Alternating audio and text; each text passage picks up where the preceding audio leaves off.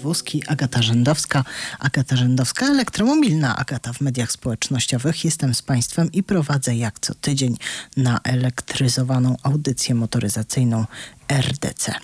Dzisiaj mam dla Państwa jak co tydzień trochę nowości, trochę postaram się Państwu przybliżyć tematykę związaną z wychodzeniem z kryzysu mm, branży motoryzacyjnej.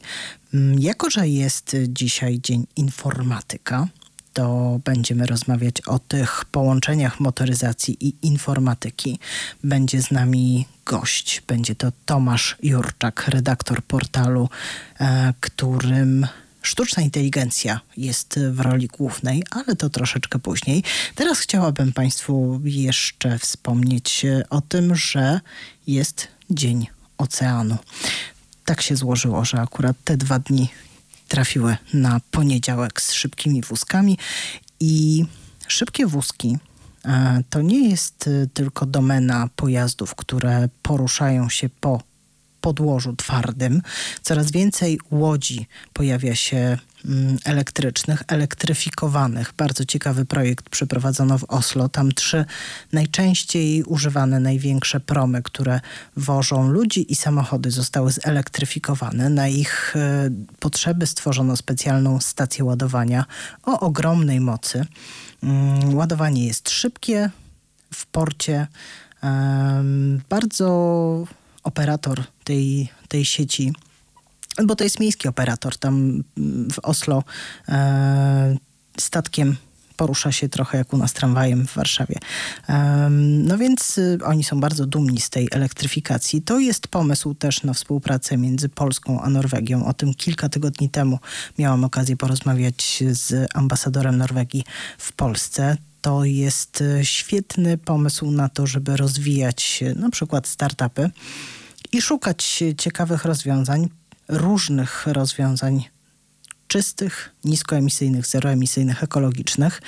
A skoro nisko, czysto i ekologicznie, niskoemisyjnie, no to Alejandro Agag, który wymyślił sobie Formułę E, E, opowiadałam Państwu o tym zjawisku już nie jeden raz, e, wymyślił znowu coś. To coś to jest Extreme E. To są wyścigi e, elektrycznych suwów i te elektryczne suwy będą jeździć w najbardziej zniszczonych, najbardziej degradowanych przez człowieka miejscach świata. Nie będzie tam publiczności. Będą to zawody, współzawodnictwo nagrywane. Z tego będą powstawać myślę, że bardzo piękne filmy pokazujące specyfikę miejsca, pokazujące współzawodnictwo, a ciekawostką jest, wracając tutaj do tego dnia, specjalnego dnia oceanu, to, że zespoły będą przemieszczać się po świecie taką łodzią przerabianą. Właśnie trwają prace nad tymi przeróbkami. Święta Helena. Święta Helena będzie napędzana jakimiś paliwami alternatywnymi. Jeszcze nie mamy chyba pełnych informacji co do tego, jak dokładnie będzie tam energia wytwarzana, jak będzie magazynowana. Natomiast wiemy, że będzie to zeroemisyjny pojazd e, pływający. Hm, zagadka. Jak e, wiele energii będzie w stanie wyprodukować w trakcie takiej podróży prawie w, wokół świata. No, będziemy śledzić te zmagania. Śledziliśmy też e, zmagania kończącej się Race at Home Challenge Formuły E, tej wirtualnej, sim racingowej. Zaskoczeniem było to, że jako pierwszy na mecie pojawił się wcale nie lider, nie typowany e, zawodnik, który miał doskonałe osiągnięcia przez wszystkich 8, e, 7, a ósmy ostatni był finałowy wyścigów. Olivier Rowland był pierwszy, ale zwycięzcą całej tej serii wirtualnej został Stoffel van Dorn. Więcej na ten temat e, na naszym Twitterze, Twitterze szybkowózkowym. A ja teraz Państwa zabiorę w krótką podróż muzyczną. Będzie to myślę, że dla wielu osób zaskakujące połączenie. Natalia Kukulska zaśpiewa czułe struny do muzyki Fryderyka Chopina.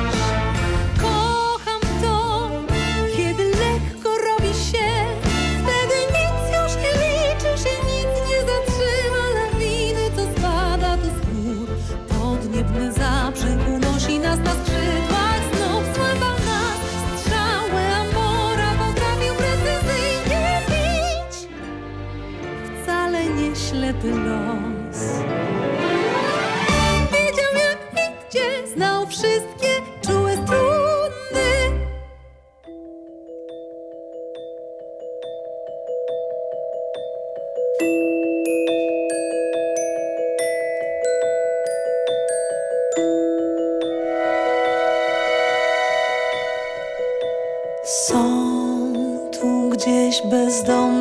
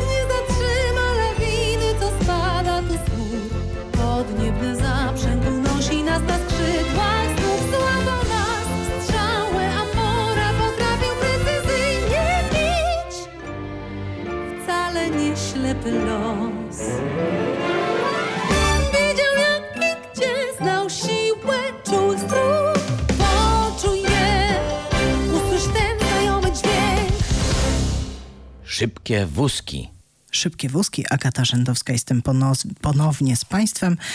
Słowa Natalia Kukulska, mózga Fryderyk Chopin. Tak nam pięknie grało i śpiewało przed chwilą czułe struny Polones As Dur. A ja Państwa zabiorę w podróż w przyszłość, ale nie aż tak odległą, jakby się to mogło nam czasem wydawać. Będę rozmawiać e, z Tomaszem Jurczakiem, redaktorem portalu sztuczna inteligencja.org.pl o tych połączeniach, siatce połączeń między motoryzacją a sztuczną właśnie inteligencją. E, Proszę sobie przypomnieć, gdzie ostatni raz e, korzystali Państwo z dobrodziejstw tych zmian, tej, tej rewolucji cyfrowej, która na naszych oczach się odbywa Mm, i zastanowić się, czy to już jest sztuczna inteligencja, czy nie. Zapraszam na rozmowę.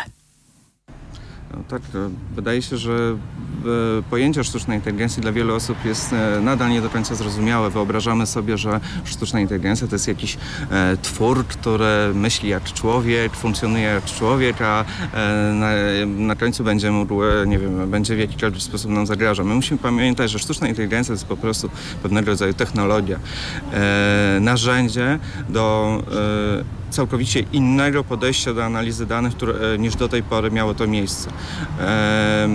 Możliwości, które dają e, sieci neuronowe, ich testowanie, e, coraz to bardziej zaawansowane komputery o dużych mocach, obliczeniowych pozwalają na całkowicie inne, inną analizę tych danych, które do tej pory mieliśmy. E, I tak trzeba patrzeć na sztuczną inteligencję, na szansę, na możliwość rozwoju technologii, innowacji, ale myślę, że to patrzenie takie w- futurystyczne na sztuczną inteligencję musimy jeszcze odłożyć na jakiś czas. Celem jest eliminacja, predykcja zdarzeń niebezpiecznych, a nie uczenie maszyn wyborów etycznych. E, Musimy zacząć przede wszystkim od kwestii e, klasyfikacji autonomii w samochodach. E, Jest e, zgodnie z e, przyjętą klasyfikacją mamy 6 klas od 0 do 5. 0 to jest klasa, w której samochody są nie, nie, wyłącznie kierowane przez kierowcę, ewentualnie wspomagane bardzo prostymi systemami, na przykład wspomagania układu kierowniczego. Natomiast jeżeli chodzi o tą piątą klasę, klasę numer 5, to tutaj mamy do czynienia oczywiście z pełną autom- automatyzacją. Trzeba przyznać jasno, że mm, w pełni automatycznych aut na drogach e, nie ma. Nawet e, Tesla, która jest uznawana za taką e, firmę wiodącą w kwestii auto, autonomii aut, w zasadzie postawiła w dużej mierze na rozwiązania półautomatyczne, czyli autopilota. Natomiast jeżeli chodzi o e, rozwiązania z wykorzystaniem większej autonomii, to tak czy inaczej wszystkie firmy, które w jakikolwiek sposób pracują nad tego typu rozwiązaniami, korzystują w autach operatorów, czyli nadal człowiek nadzoruje pracę tej maszyny. Od, e, to od człowieka e, w dużej mierze zależy, e, czy w sytuacjach, w sytuacjach zagrożenia, w sytuacjach niebezpiecznych przejmie odpowiedzialność. Natomiast jeżeli chodzi o kwestie, kwestie etyki, to tutaj są dwa obszary, które, które są ważne. Pierwszy obszar to ten, o którym Pani tu wspomniała, to jest kwestia wyboru. Czy uczyć maszynę tego, w jaki sposób ma ona się zachowywać na drodze w przypadku, kiedy e, będzie niebezpieczna sytuacja. No i teraz pytanie, w jaki sposób mamy to uczyć? Przecież uczymy maszynę na bazie danych, które są zbierane od kierowców też.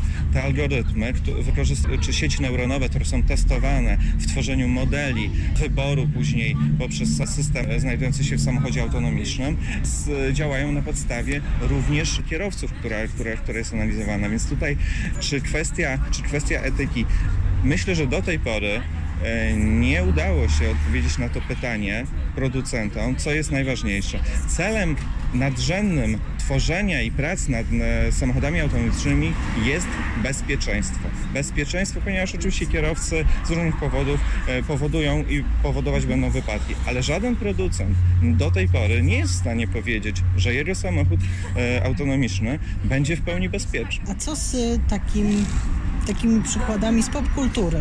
Na przykład we Wściekłych i Szybkich, w której z ostatnich części samochody posłużyły do zaatakowania. Czy dzisiaj te samochody, które są wokół nas, sprytny haker już dziś mógłby spowodować, że one pojadą w inną stronę niż kierowca by chciał, albo same ruszą? Musimy pamiętać, że samochód, choćby najbardziej autonomiczny, to jest tylko komputer. Komputer, który e, ma pewne, który wykorzystuje pewne zabezpieczenia. Jeżeli dziś wydaje nam się, że pewne rozwiązania są bezpieczne, ale jednocześnie wszystkie firmy tworzą działy bezpieczeństwa, e, działy IT, które przeciwdziałają atakom e, hakerskim czy, e, czy cyberbezpieczeństwu, to wydaje mi się, że w tym przypadku e, no, nie ma, nie można mówić, że jakikolwiek samochód autonomiczny będzie bezpieczny, będzie bezpieczny w przypadku zagrożenia, e, przejęcia danych czy e, zagrożenia ze strony hakerów. Pytanie, na ile on będzie, ten system będzie potrafił odpowiedzieć na to zagrożenie, bo wy- wyobraźmy sobie sytuację, że, że haker dostaje się do systemu e, samochodu autonomicznego. Jeżeli system to zauważy, po prostu ten samochód zablokuje. Więc czy jest to możliwe? No, mieliśmy przypadki e, włamań e, do samochodów e, także zdalnych za pośrednictwem za różnych narzędzi wykorzystywanych przez hakerów, więc wydaje mi się, że żaden, żaden producent nie, nie będzie w stanie w 100% nigdy powiedzieć tak, mój samochód jest w 100% zabezpieczony przed atakiem hakerskim. Jeszcze podrążę ten wątek popkultury, bo my się nauczyliśmy, tak jak mówiłam, te- tego co wiemy w większości o sztucznej inteligencji z filmów, z filmów popularyzujących w jakiś sposób naukę, ale też e, no, science fiction w, w jakiś sposób będących odwzorowaniem tego, co autor mógł myśleć e, na dany temat. Gdzie my dziś, tak na co dzień, mamy do czynienia ze sztuczną inteligencją? To wszystko... Poza wspomnianym miastem. To wszystko zależy od tego, jak definiować będziemy sztuczną inteligencję. Jeżeli sz- sztuczna inteligencja dla niektórych osób to jest wyłącznie na przykład asystenci głosowi, czy sztuczna inteligencja to jest analiza danych, e, czy sztuczna inteligencja to jest e, analiza obrazu, to myślę, że tego typu rozwiązania mamy już na co dzień. E, Natomiast e, pamiętajmy, że sztuczna inteligencja to też trochę więcej, to też e, sieci neuronowe, które e, wykorzystanie, deep learning, możliwość wykorzystywania tych rozwiązań do, do, analizy, do, do, do analizy dużej ilości danych, więc trudno, trudno ocenić, jeżeli na tym najniższym poziomie sztuczna inteligencja już działa w twonie, w naszych, e, nawet pojawiają się w naszych sprzętach e, AGD, to kwestia rozwiązania internetu rzeczy. Natomiast jeżeli chodzi o tą sztuczną inteligencję rozumianą naukowo, to ona oczywiście jest nadal, nadal rozwijana. E, Abstrahowałem od kwestii takich właśnie filmów futurystycznych, gdzie sztuczna inteligencja jest pojmowana właśnie jako jakiś e, twór, który e, nie tylko działa e, jakby jak, jako człowiek, ale też, też, też e, miał, miałby, e, miałby tego człowieka w jakiś sposób tutaj e, móc mu zagrozić, tak? No, Odyseja kosmiczna. Odyseja kosmiczna na przykład. Na tym się całe pokolenia wychowały i dzisiaj trudno wytłumaczyć, że nie będą nas podglądać. Mhm. Wracając do asystentów, takich, których mógłby korzystać na przykład kierowca z pomocy asystenta y, głosowego. Przy każdej kolejnej premierze, każdej kolejnej e, ważnej marki już jest mowa o tym, że teraz to naprawdę będzie działało. No i potem się okazuje, że zazwyczaj nie działa. Co tak naprawdę nie działa? Co, co hamuje te, te, to, to, żebyśmy mogli jadąc, nie odrywając rąk od kierownicy, powiedzieć, drogi asystencie głosowy, prowadź do Moszczenicy. E, Po drodze chciałabym się napić kawy, ale kawy e, dobrze palonej, a nie fast foodzie. No, to jest e, bardzo, bardzo ciekawe pytanie. Kwestia w jakim celu chcielibyśmy wykorzystywać e, asystentów głosowych w samochodzie. Bo dzisiaj już asystenci działają. Jest to wsparcie tego typu, że kierowca może e, zapytać asystenta, jak dojechać do najbliższej, e, do najbliższego miejsca, jak dotrzeć e, do najbliższej restauracji, gdzie ewentualnie jest najbliższa stacja benzynowa i to są takie informacje, które asystent głosowy może przekazywać. Myślę, że kierowcy chcieliby trochę większej interakcji pomiędzy e, asystentem głosowym e, a kierowcą w samochodzie, aby asystent sugerował pewne, pewne działania, na przykład w, wspierające kierowcę, które będzie mógł mu podpowiadać. I teraz pytanie, na, dlaczego producenci czy e, asystentów głosowych jeszcze nie są na tym etapie? Myślę, że e, to jest też kwestia testowania tego typu rozwiązań. Pamiętajmy o tym, że e, samochód to, e, samochód to jest e, e, narzędzie, urządzenie, które jest w ruchu, tak? Musi tutaj e, od- odbywać się odpowiednia, e, odpowiednia ilość, e, analiza odpowiedniej ilości danych. No pamiętajmy też, że nie wszędzie ten dostęp do sieci jest taki, jaki jest, więc myślę, że tutaj byłaby kwestia taka ograniczenia ze względu na technologię, tak? Pamiętajmy też, że są kwestie rozwiązanie, e, pro, pro, pro, problem kwestii językowych, tak? Pamiętajmy, że asystenci głosowi lepiej sobie radzą z angielskim, natomiast tutaj, jeżeli chodzi o Polskę, no to, to, to, to asystenci nadal jednak działają trochę w ograniczonej wersji. Dlatego podsumowując, myślę, że etap, w którym asystent głosowy będzie reagował wprost na każde zgłoszenie kierowcy e, wskazujące proszę zawieźć mnie w tym kierunku, e, to jest jeszcze kwestia najbliższych, e, najbliższych lat, na pewno nie teraz.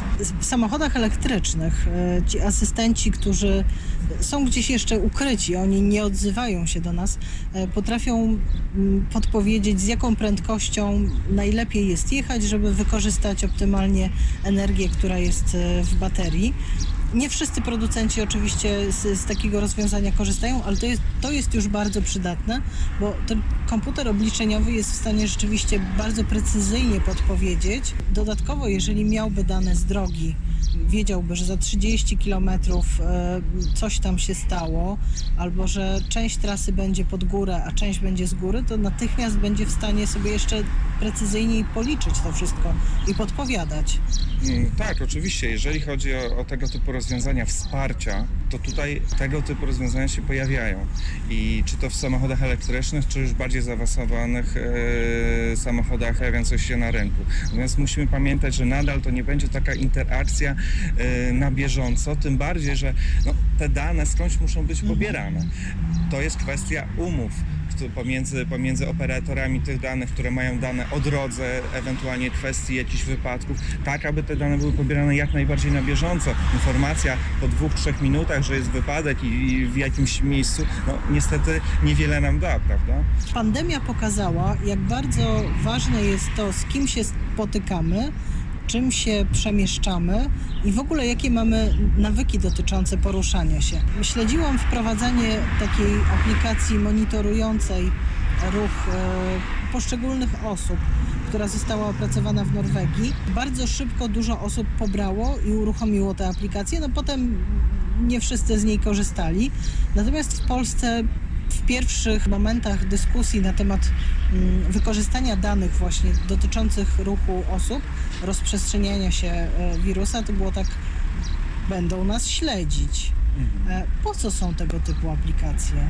No to wszystko, wszystko zależy od tego, w, jak będziemy, jak po- podejdziemy do tego tematu. No, oczywiście każda aplikacja tego typu powinna służyć czy to bezpieczeństwu, czy wsparciu, czy pomocy e, dla użytkownika, tak? Tak jak każda aplikacja, która jest w, e, w sklepach e, App Store, czy, czy, czy, czy, czy, czy aplikacjach Androida. Natomiast, natomiast tego typu aplikacje mają swoje Mają swoje minusy oczywiście, bo ta kwestia śledzenia, jak Pani tutaj powiedziała, no bez, bez niej pewne dane, które mogą e, być dla nas wsparciem, no nie, nie zostaną pozyskane, więc jeżeli nie udzielimy pewnych informacji, to oczywiście, e, oczywiście ta aplikacja będzie bezużyteczna. Zasada jest taka, na ile te firmy, które wprowadzają tego, tego typu aplikacje, są w stanie zagwarantować użytkownikom, że ich dane są bezpieczne, że są przetwarzane w taki, a nie w inny sposób i co się stanie z tymi danymi w momencie, kiedy, kiedy ta aplikacja już nie będzie użytkowana. E, Myślę, że ta kwestia transparentności aplikacji, e, w jaki sposób ona jest wyżytkowana, w jakim celu jest ona wprowadzana, powinna być wprost przez, o, przez, przez e, twórcę czy o, o, firmy, które, które te aplikacje wypuszczają, przekazana Mamy wytwarzać energię blisko siebie, zużywać ją w blisko siebie, czyli mogą powstawać takie klastry, spółdzielnie energetyczne, nawet miejskie. E, Dzięki nim mamy zabezpieczone paliwo, mamy samochód, który może być jeżdżącym magazynem energii e, i, i przydałoby się teraz, mając dane z tych wszystkich elementów, zrobić z nich dobry użytek. Mm, Jak szybko jesteśmy w stanie rzeczywiście skorzystać na tej transformacji, która się dokonuje i potraktować samochód jako właśnie dobry magazyn energii na kółkach, a nie tylko przyrząd do jeżdżenia.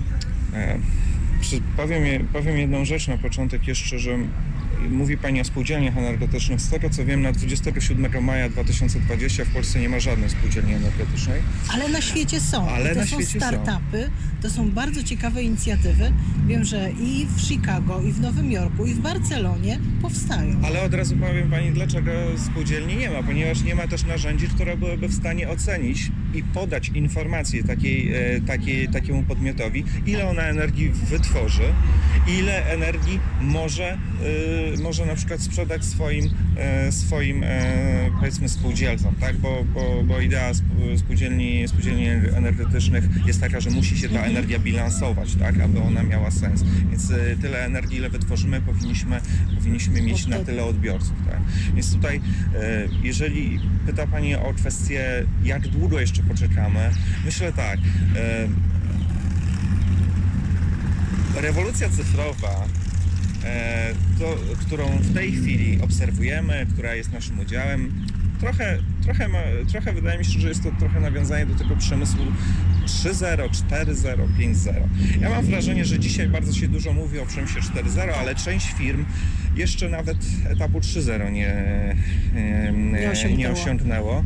E, ale to nie zmienia faktu, że nie powinniśmy iść do przodu, że nie Mhm. powinniśmy e, wykorzystywać tych szans i tych możliwości technologicznych, które, które, którą, e, które dają komputery o dużej mocy obliczeniowej, które dają e, e, również rozwój sieci telekomunikacyjnej. Tak czy inaczej, te rozwiązania trzeba wdrażać, testować, tak abyśmy mogli za kilka czy kilkanaście lat móc z nich już korzystać na bazie, te, na bazie doświadczeń, które zdobyliśmy przez ostatnie, przez ostatnie lata. Rewolucja cyfrowa nie będzie od razu dla wszystkich i to trzeba sobie jasno powiedzieć. Ona będzie stopniowo wdrażana w różnych obszarach, w różnym natężeniu e, i to na ile dany obszar, dana branża czy dany kraj będzie na to gotowy, na tyle będzie e, wd- wdrażał tę technologię. Tak, e, tak to widzę. Jest Pan w portalu popularyzującym naukę. E, Czy my mamy jakąś kuźnię kadr w tej chwili przygotowanych do tej rewolucji cyfrowej, czy e, będziemy musieli dopiero ich sobie wykształcić? Szacunki Komisji Europejskiej mówią o tym, że w najbliższych latach e, nawet kilkaset tysięcy pracowników będziemy potrzebowali w obszarze data science, data science. I do tego musimy dążyć. I tą później kadr musimy tworzyć, tak? E, Wydaje mi się, że na tą chwilę jesteśmy na etapie tworzenia możliwości, które spowodują, że tego typu e, pracownicy, którzy będą potrzebni na rynku, e, na rynku pracy, na, na nim się pojawią. No musimy, musimy ten impuls dać. To jest oczywista sprawa. Szacunki, które mówią o tym, że ja, ja bardzo, bardzo, bardzo negatywnie podchodzę do takich szacunków, że kilka milionów osób straci pracę dzięki na przykład sztucznej inteligencji i tak dalej. To nie do końca tak, tak wygląda.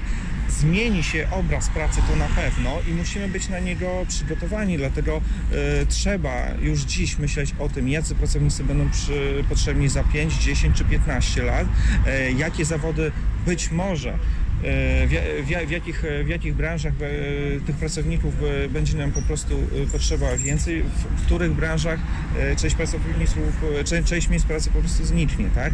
Ale wydaje mi się, że to nie nastąpi z dnia na dzień. Nie będzie sytuacji takiej, że w jednym roku nagle wszyscy kierowcy stracą pracę, bo pojawią się samochody autonomiczne. E, Dzisiaj takich samochodów e, w fazie testowej jest bardzo niewiele, już nie mówiąc o tych kwestiach drożenia w konkretnych krajach. Więc myślę, że tutaj e, e, ta rewolucja będzie postępująca e, niż Dlaczego my się spotykamy w centrum Warszawy i rozmawiamy o sztucznej inteligencji, skoro ja prowadzę motoryzacyjną audycję, a Państwo prowadzicie portal o sztucznej inteligencji? Co nas łączy? Wydaje mi się, że głównym elementem łączącym e, przede wszystkim aspekt motoryzacji, który jest rozwijany przez e, światowe koncerny, to jest e, coraz większy udział w wykorzystaniu właśnie rozwiązań z obszaru sztucznej inteligencji, która jest niezwy- niezwykle ważna, szczególnie w przypadku e, czy analizy obrazu, czy właśnie choćby tworzenia modeli. Wydaje mi się, że w najbliższym czasie sztuczna inteligencja będzie jednym z elementów, które dadzą niezwykle ogromny impuls dla rozwoju wszelkich technologii, z którymi się dzisiaj spotykamy. Czy to będzie motoryzacja, czy to będzie e, biznes, czy to będą usługi, czy to będzie jaka, jakikolwiek obszar. E, dlatego tak ważne jest, aby zrozumieć, na czym polega sztuczna inteligencja, czym ona w rzeczywistości jest, że jest nadal narzędziem wsparcia dla e, technologii i jaki wpływ na nasze życie będzie miała w przyszłości. Tego wszystkiego można się dowiedzieć czytając regularnie portal? Oczywiście, że tak. Zapraszamy na serwis sztuczna inteligencja.pl. Szanowni Państwo, te wszystkie hałasy w tle mojej rozmowy z Tomaszem Jurczakiem, redaktorem portalu sztucznainteligencja.org.pl, to były odgłosy żyjącego miasta. 27 maja, kiedy rozmawialiśmy, nie mogliśmy wejść jeszcze do żadnej kawiarni. Siedzieliśmy sobie na zewnątrz przy stoliku tuż e, obok dworca centralnego i przez prawie pół godziny wypatrywaliśmy, widzieliśmy akurat przystanek. Jak Państwo doskonale słyszeli, e, autobusy podjeżdżały co chwilę. Nie trafiliśmy na żaden elektryczny, ale myślę, że jeżeli umówimy się na taką rozmowę za jakiś czas, to sytuacja się radykalnie zmieni, bo autobusów elektrycznych przybywa. Są specjalne programy wspierające miasta, miasteczka, gminy, które będą chciały inwestować, zakupić, użytkować, bo to są bardzo różne formy w tej chwili. Takie elektryczne pojazdy niskoemisyjne albo zeroemisyjne, które na pewno są dużo cichsze niż te diesle, które słyszeliśmy w tle. A teraz zabrzmi nam muzyka z 07 Zgłoś się. Grzegorz Markowski.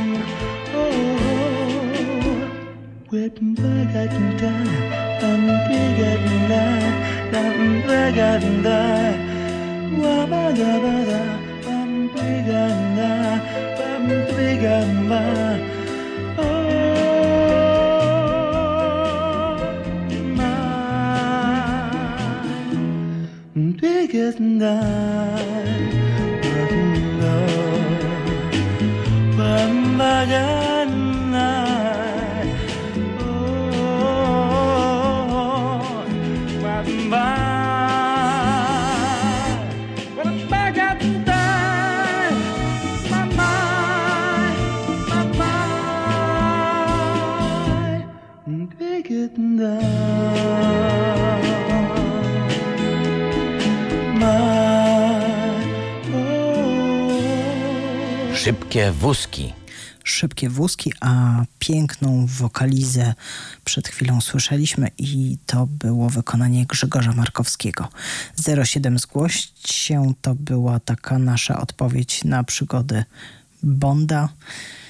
Dzisiaj z może nie dużym rozdrzewnieniem, ale chętnie wracam do filmów e, z tamtych lat, mm, chociaż nie były one tak zaawansowane i nie było tam aż tak fantastycznych, szybkich wózków, to jednak fajne samochody w polskich filmach się pojawiały i nawet w takich produkcjach jak Nie lubię poniedziałku można było dostrzec no jak na tamte czasy bardzo rzadkie samochody, bardzo rzadko widywane, dlatego że trudno było sprowadzać samochody z zagranicy.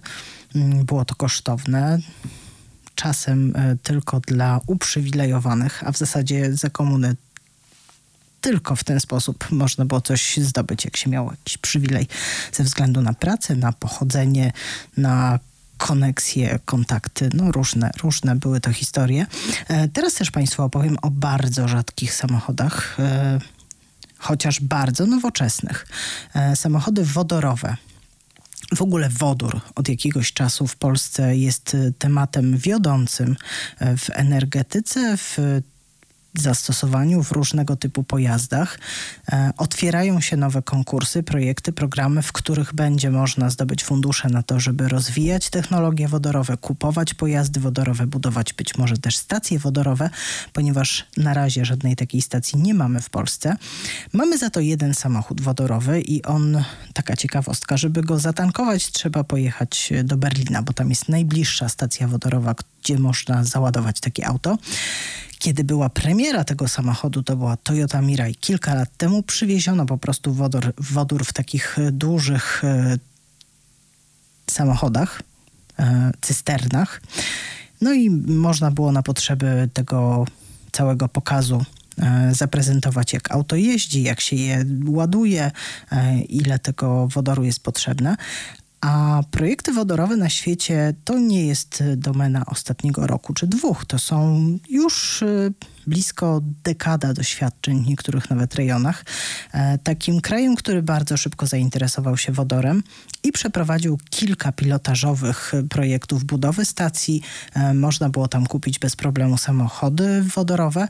Była Norwegia. No i dzisiaj przeczytałam ze zdziwieniem, że w Norwegii w tej chwili jest e, spory problem wodorowy. To znaczy została tylko jedna publiczna stacja. I żeby do tej stacji się dostać, e, to kierowcy muszą się zapisać, zgłosić taki, takie zapotrzebowanie, żeby mogli tam podjechać i załadować wodór. No i zamierzają się zebrać e, i protestować, że oni są w tej chwili pozbawieni możliwości użytkowania tych aut tak, jakby tego sobie życzyli. To znaczy jedna stacja na całą Norwegię to jest y, mało. Inne są jeszcze stacje, które pozwalają na ładowanie mm, autobusów wodorowych, bo wodorowce są też y, w Oslo wykorzystywane, natomiast y, to jest jakby zamknięta e, instalacja, zamknięta, zamknięty teren, gdzie one przyjeżdżają, a tutaj chodzi o to, żeby móc auto podjechać, załadować w tych kilka minut, bo to trwa dość krótko, 3-5 minut, no i ruszyć dalej w drogę. Stacji było więcej. Jeszcze dwa lata temu było ich, z tego co pamiętam, 8 w różnych y, miejscach. Mm, No ale programy pilotażowe się skończyły. Okazało się, że wodór nie jest tak atrakcyjny, jak y, czasem go prezentuje się nam teorii, no bo przecież nie mamy tutaj jeszcze zbyt wielu e, doświadczonych kierowców, nie możemy nikogo zapytać, jak na co dzień takie auto się sprawuje. No i efekt jest taki, jaki jest. To jest elektromobilność w trochę innym wydaniu.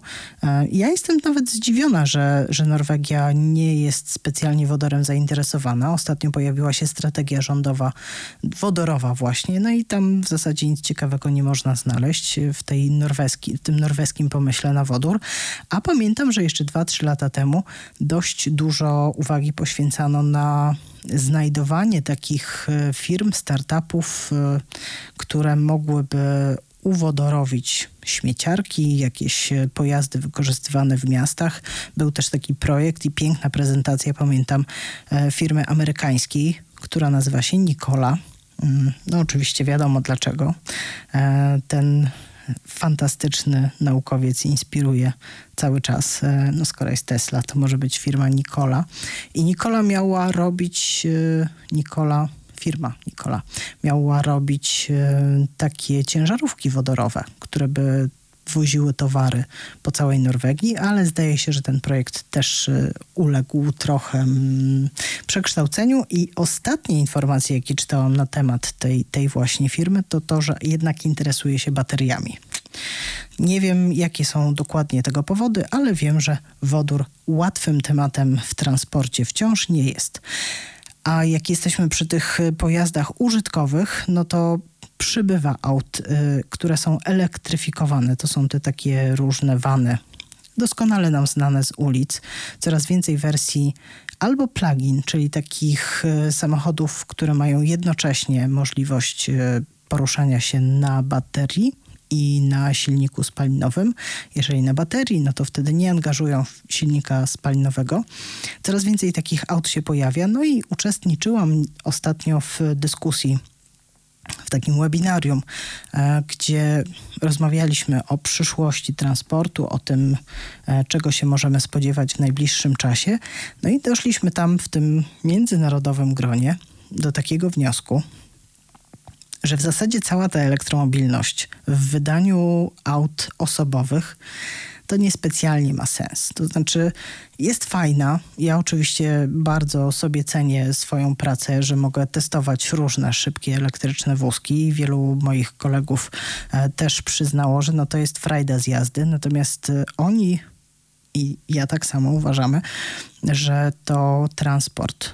Transport powinien jako pierwszy i podstawowy E, poddać się elektryfikacji, to znaczy tam, gdzie są dostawy ostatniej mili, tam, gdzie można przewozić pasażerów, tam, gdzie można wyeliminować spaliny, e, które towarzyszą nam i hałas, hałas to, to Państwo słyszeli przed chwilą, e, na co dzień w miastach, tam powinniśmy to robić i im więcej będzie takich projektów, w których właśnie wany będą miały baterie, albo może to będą ogniwa paliwowe, może to będzie jeszcze jakieś e, hybrydowe połączenie tych różnych napędów.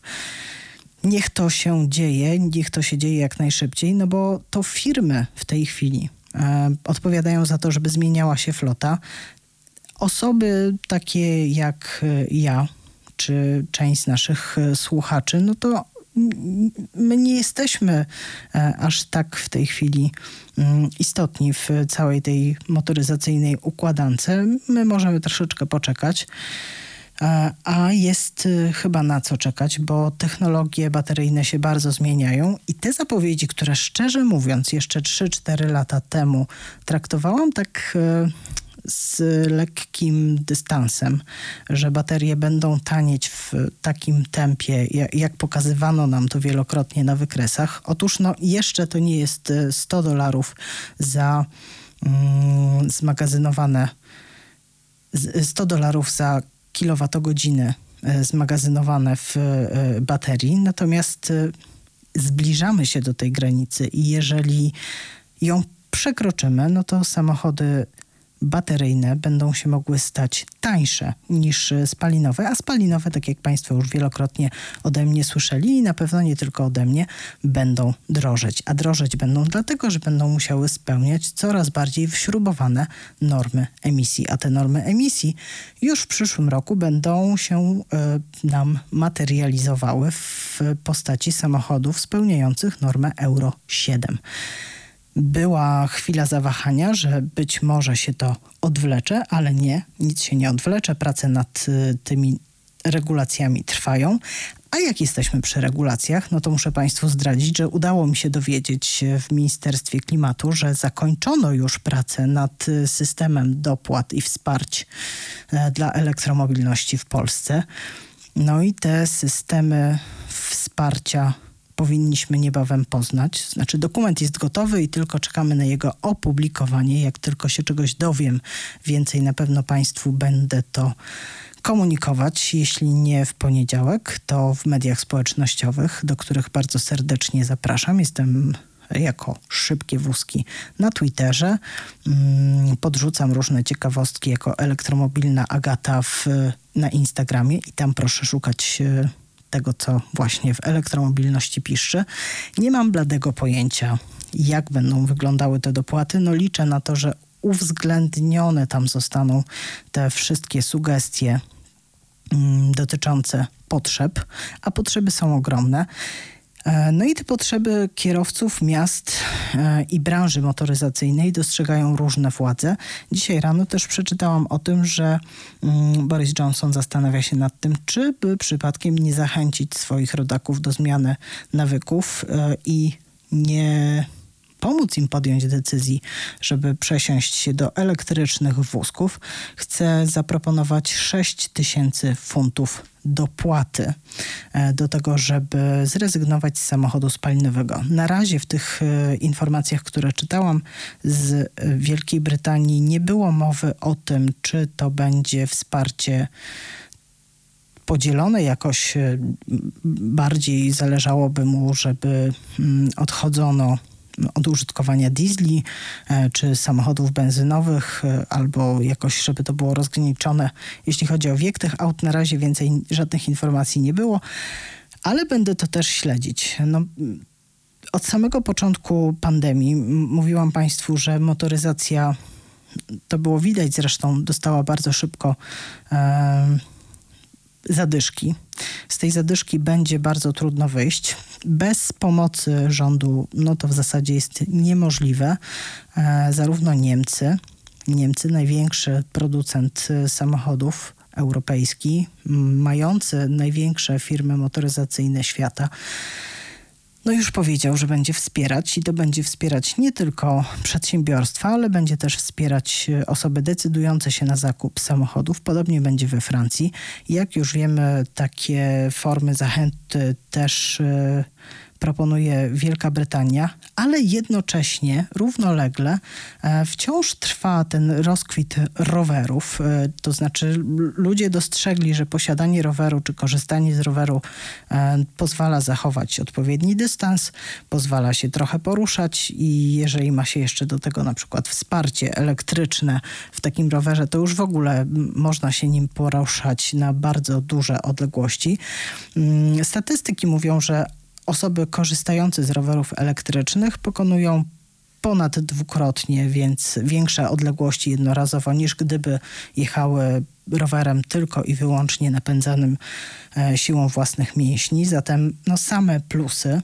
Mm, w Warszawie na razie jeszcze to jest taki temat trochę trudny ciągle, ale na przykład Kraków bardzo się otworzył e, na, na rowery i tam zdecydowano się na ograniczenie jednego pasa i oddanie go właśnie rowerzystom.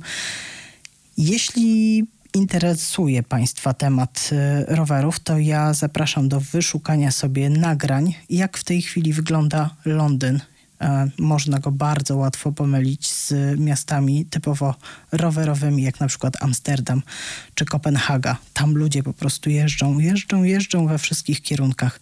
To jest fantastyczne i mam nadzieję, że w naszych miastach też tak będzie. A na zakończenie jeszcze chciałabym Państwa trochę cofnąć do tej rozmowy o sztucznej inteligencji. Ja wielokrotnie. Mm, oglądając filmy nie zawsze związane z motoryzacją, tak, zdarza mi się to. E, wypatruję tam takich smaczków motoryzacyjnych, ale w tych e, filmach o nowoczesnych technologiach, e, na przykład raporcie mniejszości, wprawne oko wypatrzy auto, które no, dzisiaj Audi e-tron jest już dostępne. Wtedy było taką zapowiedzią.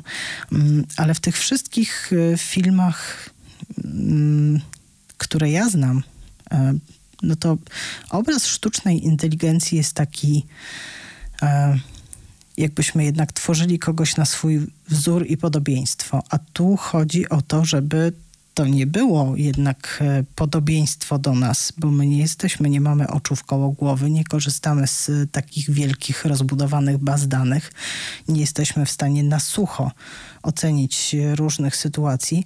Mm, no i tutaj właśnie ta sztuczna inteligencja ma nas wspierać. Ja Państwa zaproszę jeszcze raz na tego naszego szybko wyskowego Twittera. Tam wrzuciłam dzisiaj takie nagranie mm, pokazujące, jak zmienia się motoryzacja na naszych oczach i jak autonomizuje się właśnie motoryzacja za sprawą e, wykresów, e, analiz i najróżniejszych e, urządzeń zamontowanych w autach, do czego można już doprowadzić, jak wiele można osiągnąć, e, ufając jednak maszynom. Mm, to zaufanie do maszyn to jest w ogóle trudna sprawa i ja pamiętam pierwszy raz, kiedy e, mogłam włączyć te wszystkie systemy wspomagające kierowcę i z naprawdę dużym stresem puściłam na chwilę kierownicę, tak jak w czasie prezentacji auta nam zasugerowano, żeby wykorzystać te wszystkie jego możliwości. Jechaliśmy dość krętą drogą. E, widziałam kątem oka, że tam pobocze jest y, dość wąskie i zaraz obok urwisko. No i zaufałam. Ten fragment, który, który nam właśnie w czasie prezentacji auta zalecono, e, żeby oddać stery technologii chociaż na chwilę. Przyznam szczerze, że y, byłam spocona, zdenerwowana i, i wiem, że wielu moich y, kolegów zajmujących się motoryzacją wcale nie korzysta z tych różnych dobrodziejstw, bo oni jednak swoje wiedzą, swoje, swoje przeszli i polegają na tym, y, czego się nauczyli przez lata. Ale są takie sytuacje, wyobrażam sobie, gdzie ta technologia będzie nam pomagać, e, gdzie człowiek zmęczony albo w trudnych warunkach pogodowych, no nie zauważy tak wielu rzeczy, jakie może zauważyć e, laser, lidar e, albo jakieś inne urządzenia wykrywające pieszych. Dzisiaj doszło do bardzo przykrego zdarzenia w Warszawie. Mm, pod koła karetki wjechała 14-letnia dziewczynka na rowerze. E, ona miała zielone światło, karetka jechała lewym pasem na sygnale. Dziewczynka się nie rozejrzała. Z tego, co widziałam na nagraniu, trudno mi wyrokować, jak było naprawdę, e, ale wyobrażam sobie, że mm, kierowca zostałby zaalarmowany tej karetki, która pędziła, no, jeżeli na sygnale, to do kogoś bardzo potrzebującego. E, zostałby ten ułamek sekundy wcześniej zaalarmowany, że ktoś może wtargnąć na drogę, gdybyśmy mieli oczujnikowane i komunikujące się ze sobą samochody. A tak może być e, całkiem niedługo. Nie, Myślę, że, że to jest możliwe e, i ta moja wizja, że przyjeżdżam samochodem na przykład do jakiegoś centrum handlowego, on mnie wysadza pod drzwiami, a potem jedzie sobie zaparkować się i podładować w ładowarce indukcyjnej, a potem ja go swoim telefonem przyzywam i on po mnie znowu przyjeżdża. To nie jest aż taki science fiction, jakby się wydało, wydawało. Jacek, e, e, Jacek Kosiński, który przysłuchuje się tej, tym, tym wizjom najbliższych motoryzacyjnych lat się śmieje, że nie, to chyba nie. A poza tym, jak przywołać e, samochód e, telefonem, jeśli ma się zajęte ręce pakunkami? No właśnie. E, trzeba będzie jeszcze jakoś ten problem rozwiązać. Bardzo dziękuję Jackowi za dzisiejszą realizację, a ja zostawię Państwa z muzyką z Łowcy Androidów. Będzie grał nam utwór miłosny, temat miłosny, a skomponował go Wangelis. Żegnam się z Państwem. Dobranoc.